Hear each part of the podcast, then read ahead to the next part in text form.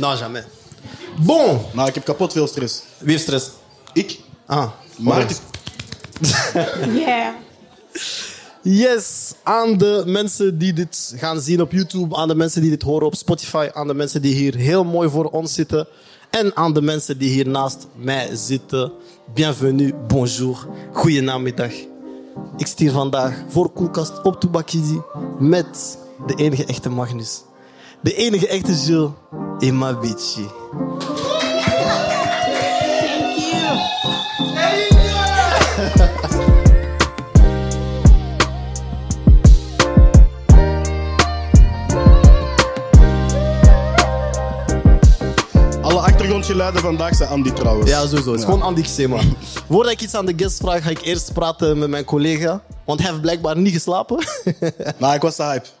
Ik was te hype. Ik heb de hele nacht gewoon low op repeat gezet. ik heb niet geslapen, niks. Ik was te hype. Ik was blij dat we eindelijk nog iets, iets, iets, iets leuk konden doen. Ja, toch. Zeker in Antwerpen voor de Congolese feestdag. Dus ik was te hype. Ik heb niet geslapen. Jules, kijk naar ons panel. Black Excellence. Snap je? Wauw. On va commencer. We gaan beginnen natuurlijk met Mabichi. Hi, hi. Eerst en vooral, hoe gaat het en hoe voelt het om hier te zijn vandaag? Eh, ik heb het heel druk gehad eh, met het hele onafhankelijkheid. Eh, ik heb voor Congolisation twee avonden gehost. Eh, dus heel veel stress aan voorbereiden, hosten. Eh, dus ik ben heel blij om hier nu te zijn. Eh, en jullie weten ook Brussel, aan Frans, alles. Nu is gewoon Nederlands, I'm home, you know. It's, uh, it's good. Hier zit ook Magnus.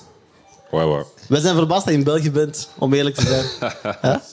De mensen die jou kennen weten, soms zit jij in Kenia, soms zit jij in Rwanda, soms zit jij in Congo. Er zijn nog landen die je waarschijnlijk niet afficheert, want, you know, weird money ties en zo. Maar hoe voelt het om hier te zijn vandaag? Nee, blij, blij om hier te zijn. Echt, eh, ik ben al even terug hoor. Ik denk ook één iets. eh, het is al misschien nu een klein jaartje dat ik eh, effectief in Afrika was. Dus nu even terug. Voetjes op de grond. Yes. Hier is ook heel veel werk te doen. Ehm, En ouais, today is our day. Donc eh, Ja, toch. heel blij om hier te mogen zijn. Ik denk inderdaad vandaag, hè, de mensen die hier zitten weten, het gaat over Congo, de onafhankelijkheidsdag. Ehm, maar onze talks gaan ook over het Congolees zijn en wat dat allemaal kan betekenen en hoeveel verschillende betekenissen dat kan hebben.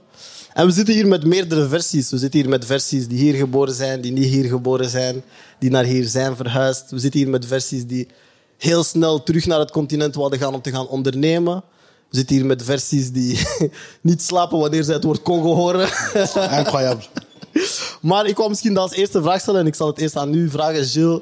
Dat is misschien heel cliché, maar weet je, het Congolees zijn, als je dat hoort, wat is het eerste aan wat je denkt? Of wat denk je van, "Mm, als je tegen mij zegt Congolees zijn, ik denk aan dat. Ik denk aan ambiance. Dat is het eerste wat ik aan denk. Omdat ik dat altijd... Ik heb dat vroeger eigenlijk altijd vanuit familie meegekregen wanneer dat, wanneer dat echt samenkwamen en wanneer dat de hele familie samen was. Want in je eigen huishouden, snap je, daar leg je de accenten niet op, op bepaalde dingen zoals je identiteit en zo. Maar wanneer je samenkomt in familie, of zelfs wanneer je afzet tegenover, tegenover buitenstaanders bij wijze van spreken, dan, dan kun je teruggrijpen naar bepaalde dingen. En bij mij is dat die Congolese identiteit. En dat heeft altijd samengegaan met een ambiance. Dat nu met familie was of met vrienden of in Congo zijn zelf. Dat heeft voor mij altijd gewoon plezier maken en, en ambiance betekend. Je hebt het over in Congo zijn zelf. Ik ben deze zomer voor de eerste keer gegaan. Jij wordt al vroeger gegaan. Maar we hebben iemand die eerst daar is begonnen en dan naar hier is gekomen. Ah, ouais, ouais, mon amboka straight. Als je hoort wat Gilles zegt over het Congolees zijn, l'ambiance en al die dingen. Hoe was dat voor jou om naar hier te verhuizen en dan, eens dat je hier verder bent opgegroeid, terug naar Congo te gaan? Als in, voel je daar veranderingen zijn? Ben je zelf veranderd? Heb je misschien een disconnect gehad of valt dat eigenlijk mee? Ja, ehm, toen ik naar hier kwam, ik denk wat heel veel mensen niet beseffen, is dat vooral als kinderen eh, verhuizen vanuit hun thuisland, er is eigenlijk heel veel verdriet. Ah, ik was niet van, oh ja, ik ga naar Europa, zoals veel mensen dat zien, zo van, mensen willen naar hier komen. Ik was een kind, snap je, ik speelde, ik wou in mijn, ik wou in mijn land blijven, ik heb niks gevraagd. Eh, dus toen ik naar hier kwam, had ik heel veel heimwee. Weet je, ik kwam naar hier, we, zaten, we waren naar Zaventem en ik ben gekomen full on winter. Ik heb nog nooit een boom gezien zonder bladeren. Ik dacht, ik dacht, wat is dit? Ik zo, mama, waarom zijn er geen bladeren aan deze boom? Want weet je, in Congo zie je zulke dingen niet. En ik kom, ik zie geen zand. Weet je, nou, meteen wel. Ik zie dat niet. Mama zegt van, ja, nee, daarvoor moet je naar de zee of naar de park. Maar, dus ik had heel veel heimwee en eh, ook gewoon heel veel, echt een hele stilte. op straat, terwijl dat ik kom van Kinshasa, snap je? je? Moet zelfs niet afspreken met vrienden. Je komt thuis van school, je gooit je boekentas, je gaat naar buiten, je vindt kinderen. Hier moest ik de mama bellen. Ja, je mag om half één komen. Ja, je mag om dit uur komen. Ik dacht, wat is dit? Dus ik had heel veel heimwee. ehm, en dan ben ik teruggegaan pas na eh, 16 jaar. Oh, wow. Eh, dus, maar ja, maar dat is ook zo Congolezen. We moeten ons echt voorbereiden om terug te gaan. Want je gaat niet alleen maar terug op vakantie aan zee. Nee, je gaat terug. Een hele familie wacht op jou. Eh, cadeaus, eh, financieel helpen, heel veel van die dingen. Dus onze ouders nemen heel veel tijd om, om terug te gaan.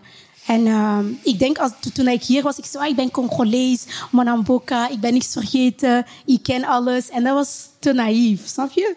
Want toen ik daar was, ik zag het verkeer, ik kreeg een paniekaanval. dus inderdaad, Congo is heel, heel hard veranderd. Kinshasa nu heel veel mensen.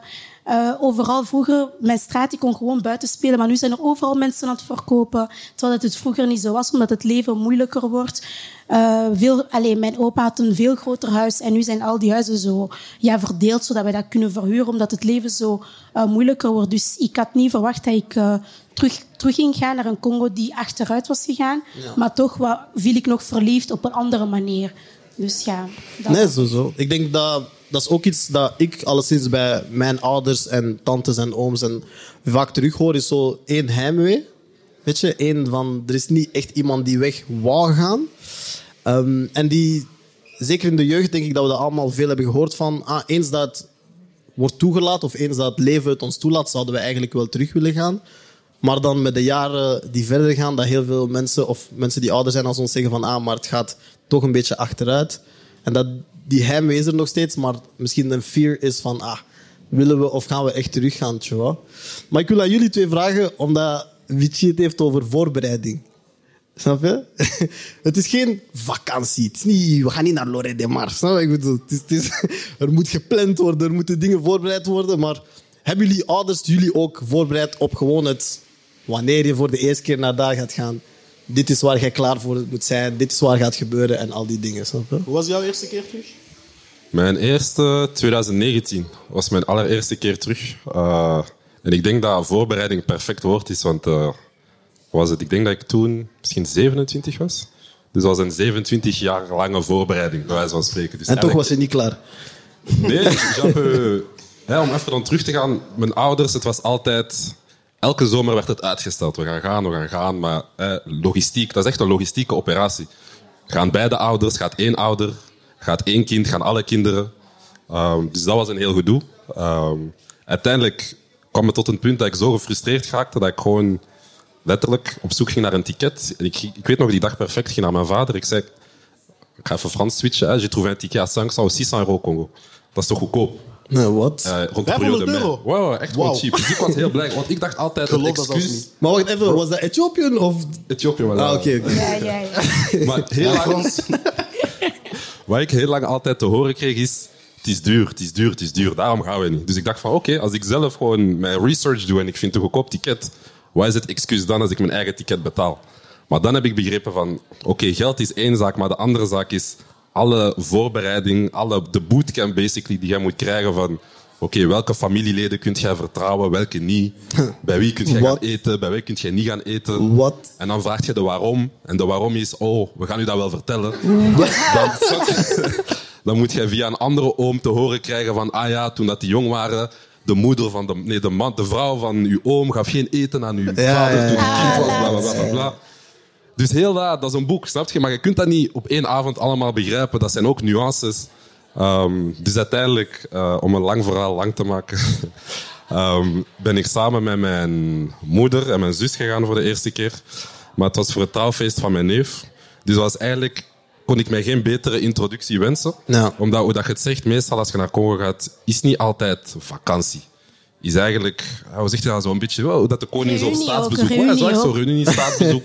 een beetje zo, want je hebt honderden mensen die naar u komen, die zeggen dat ze u kennen, maar bro, ik heb je Heel nooit de gezien dag. in Je mijn kan leven. zelfs niks om vijf uur. Je doet de deur open, twintig mensen. Snap je? Hallo. En iedereen geeft jou een titel. Oh, grand chef. Oh, hey. Homo Conti, oh, bro.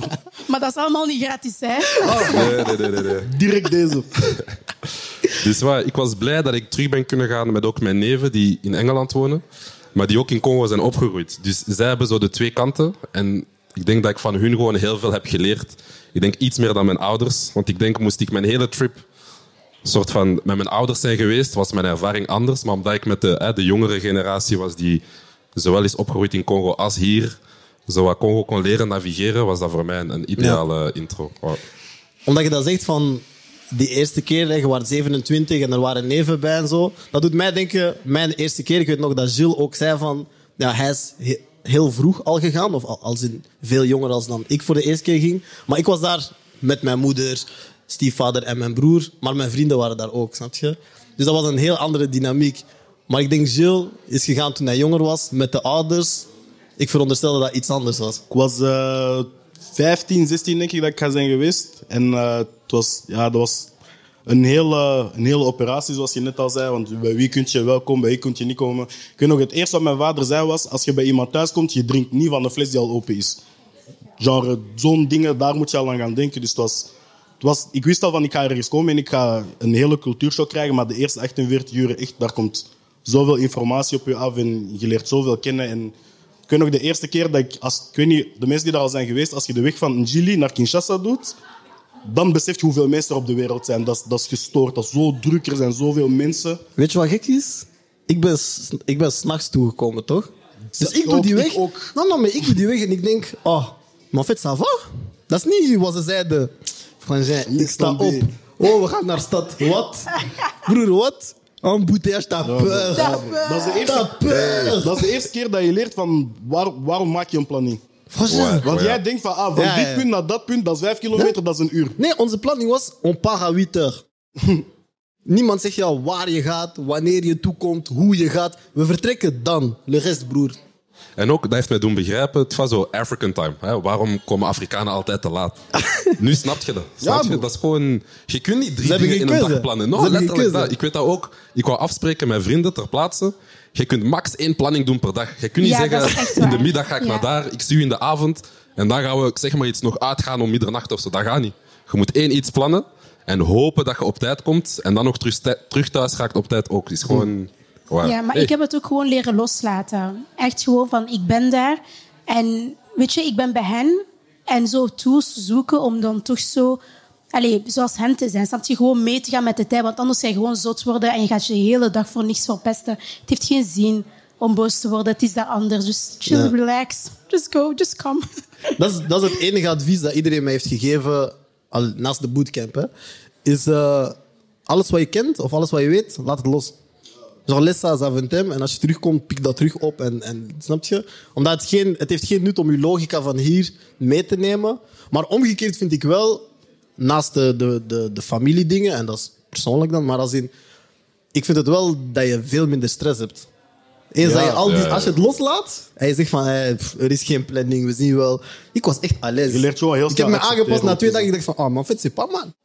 Als je? als je snel kunt leren accepteren hoe het is en dat je, dat je leert dat de realiteit die je misschien hier krijgt niet echt de realiteit over heel de wereld is. Want hier krijgen we altijd mee van als je een afspraak maakt, dat is om dat uur, zorg dat je een kwartier op voorhand, als je er niet op tijd bent geraken, je laat iets weten. Het is een vorm van respect. De eerste keer in Congo, de eerste dag heb ik die foutje gemaakt. Ik stuur een kwartier op voorhand naar iemand van waar ben je? ik heb die persoon ook gewoon niet gezien op mijn eerste reis. Maar dat zijn, dat zijn van die dingen dat je moet beseffen van... Er is, er is zoveel chaos en dat komt dan verder vanuit ja, hoe dat land geëvolueerd in de laatste 50, 100 jaar misschien zelfs. Van, alles is zo geëvolueerd naar een ander punt dat je niet kunt rekenen op de normen en waarden die je, die je hebt geleerd aan de andere kant van de Ja. wereld. Of dat het nu gaat over planning, of dat het nu gaat over infrastructuur, of dat het nu gaat over uh, logistiek van hoe geraken wij van punt A naar punt B. Dat is, dat is allemaal zo anders, heb ik ook gewoon. Ja, en ik denk ook, het is ook een manier van eh, decoloniseren als wij naar daar gaan. Dat we niet per se kijken zo van wat hebben wij hier geleerd en wat is het correcte manier van doen. Want er waren heel veel dingen eh, toen ik voor de eerste keer ben gegaan in 2018 en dan ben ik vorig jaar alleen teruggegaan, twee keer. Ehm, en dan dacht ik van, dat is niet correct, dat is niet juist, dat is niet correct. De hele tijd was ik daarmee bezig. En toen dacht ik van, yo, ben je hier een colonizer? Like, what- what's happening? Like, laat los, leer. Eh, leer ook van andere mensen, leer ook wat daar is. En probeer zo echt te begrijpen welke kennis ze daar hebben. Eh, leer. Dus dat is ook heel belangrijk. Ik denk dat, je- dat we dat zeker ook moeten meenemen in het... Toen wij aan het opgroeien waren, of toen wij kinderen waren, kregen wij heel vaak soms heel direct of heel subtiel mee van ah, jullie, wanneer jullie groter gaan zijn, jullie gaan teruggaan, jullie gaan dit, jullie gaan dat. Maar dat wij heel hard zijn opgegroeid met een gevoel van ah, ik ga iets gaan doen. En dat je dan op een bepaalde leeftijd beseft van ah, maar ik spreek zoals mensen die ook heel lang geleden iets wilden gaan doen, snap je? Terwijl dat je eigenlijk meer in een mindset zou moeten zijn van wat is er daar al aan de hand of wat is er daar al bezig en hoe kan ik ondersteunen, hoe kan ik helpen, hoe kan ik iemand helpen die daar woont, die daar is opgegroeid en die daar echt een maîtrise heeft van, van, van het, het werkveld, weet je. Maar ik denk dat die zaken... Ja, ik ben blij eigenlijk dat ik later pas voor de eerste keer ben geweest. Omdat ik denk, ik had heel veel stress toen ik jonger was. Toen, ze, toen het zo begon van, ah, we gaan misschien voor de eerste keer, maar ik was zo 15, 16. En iedereen zegt tegen jou, ze gaan jou geld vragen, ze gaan jou dit vragen, ze gaan jou dat vragen. Je denkt zo van, oh, maar ik heb geen geld, ik, zit in het middelbaar. Er was heel veel stress, maar nu, met al die voorbereidingen, vond ik het eigenlijk heel goed meevallen zelfs. Ik vond niet dat ik zo lastig ben lastgevallen en dat, dat mensen zo moeilijk deden. Ik vond dat allemaal heel relatief goed meevallen. Ik vond het een beetje overdreven, snap je? Maar dat is misschien omdat ik dan 26 was. We hebben het nu net ook over ondernemen en over hoe dat zou zijn van als je als, ja, als tweede of derde generatie zelfs teruggaat naar daar, je hebt het gedaan. Hoe heb jij, heb jij een cultuurshock ook ervaren in het, in het ondernemen echt in, in Afrika? Ehm, Want dat is niet ja. alleen in Congo, maar meer in, Nee, in de buurlanden en dergelijke. Klopt. Ik denk bij mij ook een. Ik denk mijn reis naar Congo was altijd gestart uit frustratie, omdat ik zo lang moest wachten om te gaan. Ik was, bij wijze van spreken, ik was tien jaar, maar ik was show, ik was daar, let's go. Uh, maar dus, omdat ik zo lang moest wachten en mijn ouders me eigenlijk zeiden van nee, je gaat niet naar Congo voor je eerste keer zonder ons, ben ik eigenlijk met andere Afrikaanse landen begonnen. Uh, ik ben alleen naar Ghana gegaan, alleen naar Nigeria, uh, Kenia, etc. En ik ben eerst daar beginnen ja, ondernemen, de cultuur echt leren kennen en ook what does it mean to be in Afrika. Um, en ook vooral de nuances per land, omdat ik heb ook zo, is misschien meer de Amerikanen die, ja, Afrika is een land à la limiet, terwijl er zijn zoveel culturen, zoveel landen, binnen die landen heb je tribes, zoveel verschillende nuances. En het is eigenlijk ja, om zo van nul te beginnen, een land binnen te komen en te zeggen van kijk, ik ga embrace wat dat er op mij afkomt. En ik ga niet per se, um, ja, komt u die zei, zo vasthouden aan de normen en waarden die ik ken van België en die meepakken naar hier. Dus voor mij was die ontdekking, ontdekkingstocht was een, een heel interessante om ja, verschillende nuances te zien, verschillende vooruitgangen op een andere manier. Um, ja, maar ik denk dat er sowieso wel ja, cultuurshock. Ik denk de grootste cultuurshock die ik had specifiek naar Congo toe was dan, ik denk de, de, de technologische achterstand voor mij in vergelijking met, ik zeg maar, iets gaan naar een Kenia of een Ghana. Je hebt daar Ubers, je kunt alleen bewegen. Bijvoorbeeld in Congo, ik moet mijn vaste chauffeur hebben. Of je taxibus. Of mijn taxi. Snap je? Moet iemand Charles, hebben. man. Eh, monga. Je moet die plug hebben. Ja, snap je? Terwijl in, eh, in dan die andere landen, specifiek Kenia en Ghana, allee, je kunt Uber vertrouwen, dat is nog relatief veilig. Je kunt je ook alleen gaan, ehm, gaan rondlopen in bepaalde steden. Terwijl in Kinshasa, als ik van wijk A naar wijk B moet gaan, helemaal alleen, te voet, ja, pas moyen. Snap je? Um, dus daar is het, ja, ik denk dat dat het grootste verschil is. Um, en ik denk soms ook, maar daar kan ik niet echt over meespreken, is dat mijn, mijn moeder die zegt van, ah, maar vroeger was het beter. En dat het Congo eigenlijk, of Kinshasa specifiek, erop is achteruit gegaan. Um, dus daar ja, stel ik mij de vragen van oké, hoe, en dat is dan ook een beetje onze taak, hoe komen we samen, niet alleen als diaspora, maar ook als uh, Congolezen in Congo, om ja, een, een, verandering teweeg te brengen. Ik heb ook niet de antwoorden, maar ik probeer dan via ondernemerschap uh, dat pad te bewandelen. Ik denk dat is ook heel interessant wat je zegt en heel belangrijk, want we hadden het in een uh, voorbereidend gesprek deze week ook over het feit van, heel vaak als we over Congo praten, spreken we eigenlijk over kin. Snap je? Want de rest, déjà dat we kin nog niet beheersen of kennen, maar de rest kennen wij ook niet, snap? En dat is wel iets dat ik hoop dat wij, zeker onze generatie, de kans toe gaan krijgen en misschien onszelf de middelen geven om ook de rest te gaan verkennen. Omdat ik denk dat ja, dat gaat ons gewoon verrijken en het is gewoon heel belangrijk, snap je? Maar ik wil aan jou vragen, want ik denk de mensen die jou hier kennen weten, of kennen jou via jouw content uh, op sociale media. Is dat voor jou een manier om nog meer in tune te zijn met de Congolese gemeenschap en Congolese mensen. En voel je misschien dat je zo zelf daar zo, daardoor of dankzij zo nog dichter terug met, met, met Congo of met de roots geconnect wordt? Uh, in januari, dus vorig jaar, ben ik voor de eerste keer zonder mijn, mijn ouders gegaan. Niemand, ik ben helemaal alleen gegaan. En mijn mama was echt, maar bitchy, en je hoofd, die kan niks uit je hoofd krijgen. Ik dacht, nee, ik ga het doen. En ik ben gegaan. En ik kan jullie zeggen dat ik, ik heb afgezien. Ik ben bestolen geweest. Ik ben, weet je, ik, ik wou alles wel alleen doen. Ik wou, ik wou alleen naar de markt gaan. Ik wou tegen de mensen praten. Maar dat was zo moeilijk voor mij om gewoon, om gewoon die mindset uh, vast te krijgen. En ik, ik ben daar gegaan. Ik dacht zo van, ik kom niet meer terug. Ik was zo teleurgesteld in, uh, in Kin. Ik was zelfs zo Tracy uh, nog gaan zien. Ze zag me dan zo zitten. Ze nee, dat komt allemaal goed in Tracy. ik ga terug. ik was helemaal echt, ik was zo down terwijl ik zoveel liefde had. Uh, maar ik wist gewoon niet dat ik daar, mij daarin moest bewegen. Ik ben teruggekomen. Ik dacht, ik ga zelfs tien jaar doen. Ik ga niet naar Congo gaan. Ik was echt boos. Ik dacht, hoe oneerlijk zijn mensen daar? En dan, zoals je zegt, ik dacht opeens, maar Congo is niet alleen Kinshasa. Dus wat heb ik gedaan? Ik, ik, dacht zo van, kijk, weet je ik ga gewoon een trip doen. Vanuit Kinshasa ga ik helemaal aan. Boma, helemaal Momoog, Matadi, tot Mwanda. En dat heb ik gedaan. Dus ik heb al, dus van, vanaf Kinshasa, tot helemaal in Mwanda aan de grens van Angola. En, uh, en Mwanda was zo anders dat was zo rustig. Boma ook, Matadi. Weet je, ik was aan die brug van Matadi. Tranen vielen gewoon van mijn hoofd, allez, van, van mijn ogen. Gewoon hoe mooi dat Matadi was en al die rest. ik dacht van, dit is ook uh, Congo. En, en pas in september heb ik dan pas terug kunnen reconnecten uh, met dat. En uh, ik denk ook, de, mijn content is meer gerelateerd aan toen ik naar Congo ben gegaan, zoals ik zei, eerst was ik heel naïef toen ik nog niet was gegaan. Ik dacht gewoon, ik ben gewoon Congolees. Ik heb niks aan België. Ik, uh, ik, ben, ik ben niet Belg, snap je? Dat heeft mij niet geïnfluenceerd, maar je suis Congolees à la lettre, mm. bla bla bla bla. Maar toen ik ben teruggegaan, dacht ik zo van, meid, ai. je, je bent Afro-Belg, snap je? Er is, weet je, ik moest aanvaarden dat andere stuk van mij dat ik had en dat ook totaal helemaal niet slecht was, snap je? Om daarmee te kunnen werken. Dus mijn content is echt gekomen van die deel van mij, hoe dat ik hier opgroei met mijn ouders, met mijn Congolese ouders. En bepaalde dingen, Bart en nummer dat ik wel van België heb meegekregen, waarbij dat wij zo botsen.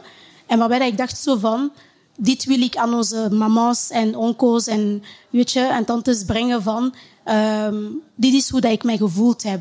En ik heb gewoon één video gedropt en er waren veel meer andere jongeren die, die, allez, die dat ook gevoeld hebben. Uh, en zo heb ik dan een community kunnen creëren van mensen die ook hun opvoeding of bepaalde tradities en culturen bevragen.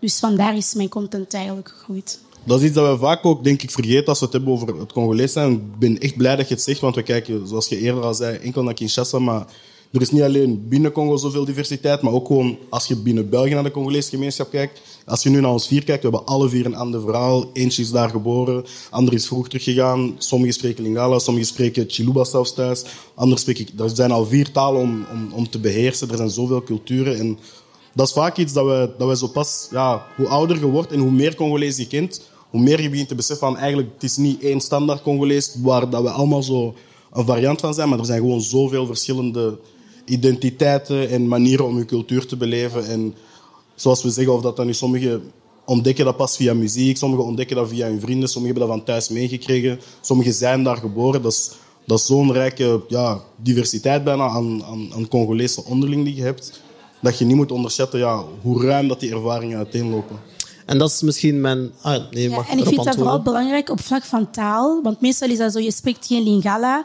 Oh, toi, t'es pas Congolais, toi. Maar misschien spreekt die persoon Swahili. Misschien spreekt die Kikongo. Misschien spreekt die persoon... En echt zo, dat we echt zo blijven benadrukken op dat Lingala is soms echt heel toxisch voor andere jongeren die geen Lingala spreken, maar die wel andere uh, talen spreken van Congo. Dus dat is echt heel belangrijk. Nee, absoluut. En ik wil op die twee dingen inpikken als, als laatste vraag voor onze eerste talk is: wat is voor jullie of wanneer is het bij jullie misschien, en zeker dan wij die hier geboren zijn, maar ook jij die dan heel lang hier was, zo, wat heeft ervoor gezorgd dat jullie misschien terug dichter of harder naar jullie roots zijn gaan grijpen? Want, en dat is iets wat Marcus ook deze week zei in onze call, als in, weet je, je hebt nog alle verschillende stammen, alle verschillende tradities, culturen, zelfs wij zijn allemaal zo verschillend.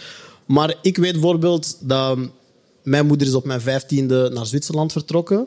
En ik had wel alles meegekregen van wie ik ben en van waar ik kom en waar mijn roots liggen.